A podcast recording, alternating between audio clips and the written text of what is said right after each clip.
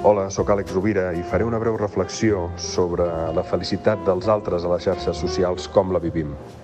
En realitat, moltes vegades les xarxes socials no deixen de ser una projecció del narcisisme de la persona.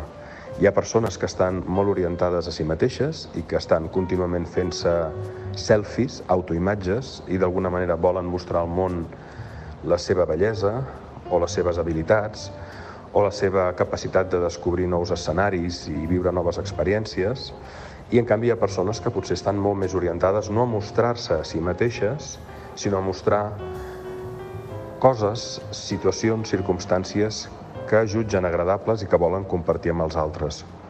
Uns consideren que ells són el regal, uns altres consideren que hi ha regals en el món que val la pena compartir. A partir d'aquí, cada persona, en veure allò que li és ofert per als altres a les xarxes socials, també farà la seva projecció. Aquella persona que jutgi que la felicitat dels altres és impostada, ho viurà des de la crítica. Aquella persona que senti enveja per als escenaris que està vivint l'altre, ho viurà doncs, eh, des d'un odi, potser.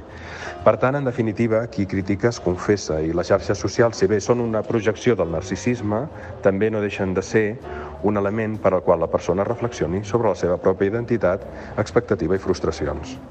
Que tingueu una molt bona setmana.